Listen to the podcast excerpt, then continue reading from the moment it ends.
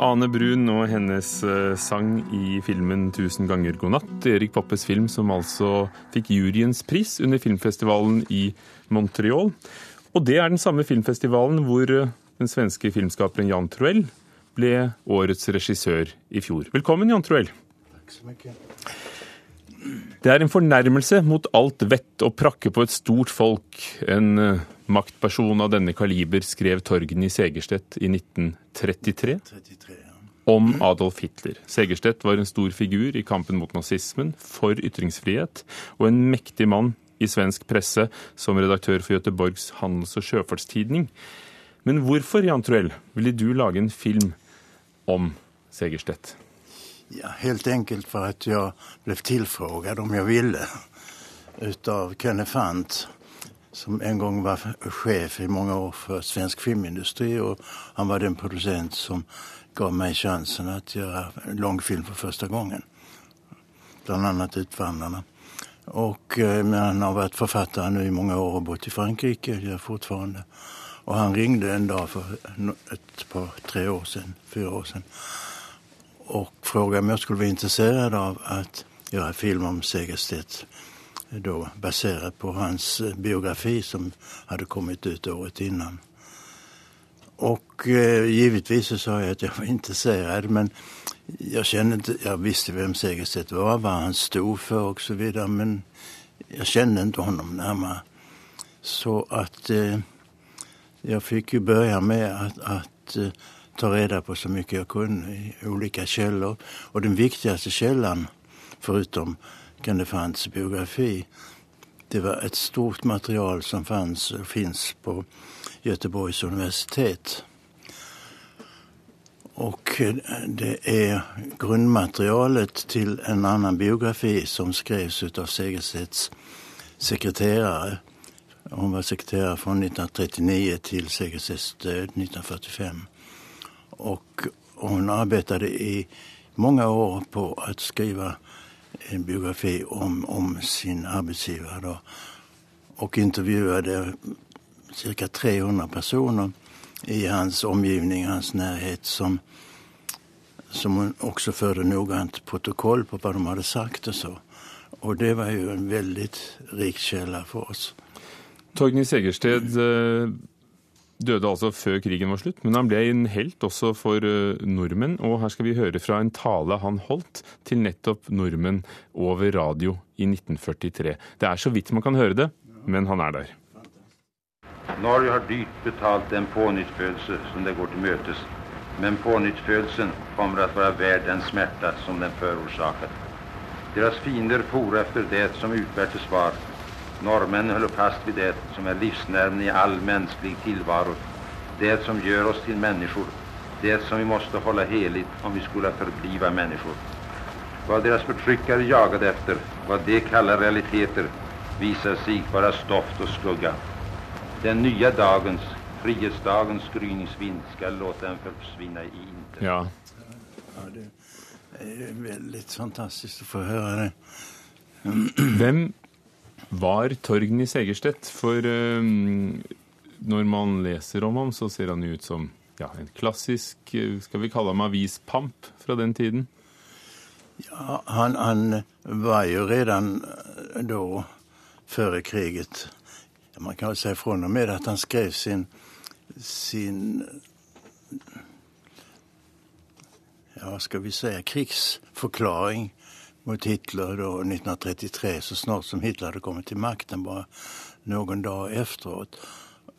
Och det ledde ju till att det kom protestbrev ifrån riksministern, då tyske riksministern Hermann Göring som kom med hotelser om, om inte de tystade Segerstedt eller åtminstone inte skrev på, ett, att, eh, på detta viset i fortsättningen så skulle de ingripa på något sätt. Ja. Filmen heter jo 'Dom over død mann', og den ble ikke vist på kino i Norge, ennå. den fikk mange priser eh, da den kom rundt juletider i, i Sverige i fjor. Men nå er den altså månedens film på cinemateker i flere byer i Norge, hvor både den og dine tidligere filmer vises, og du kommer og snakker, Jan Troell.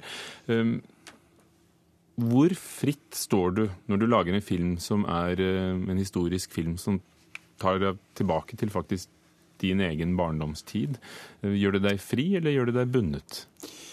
Nej, jag är väl i, i princip alltid ute efter eh, att komma så nära en sanning som möjligt.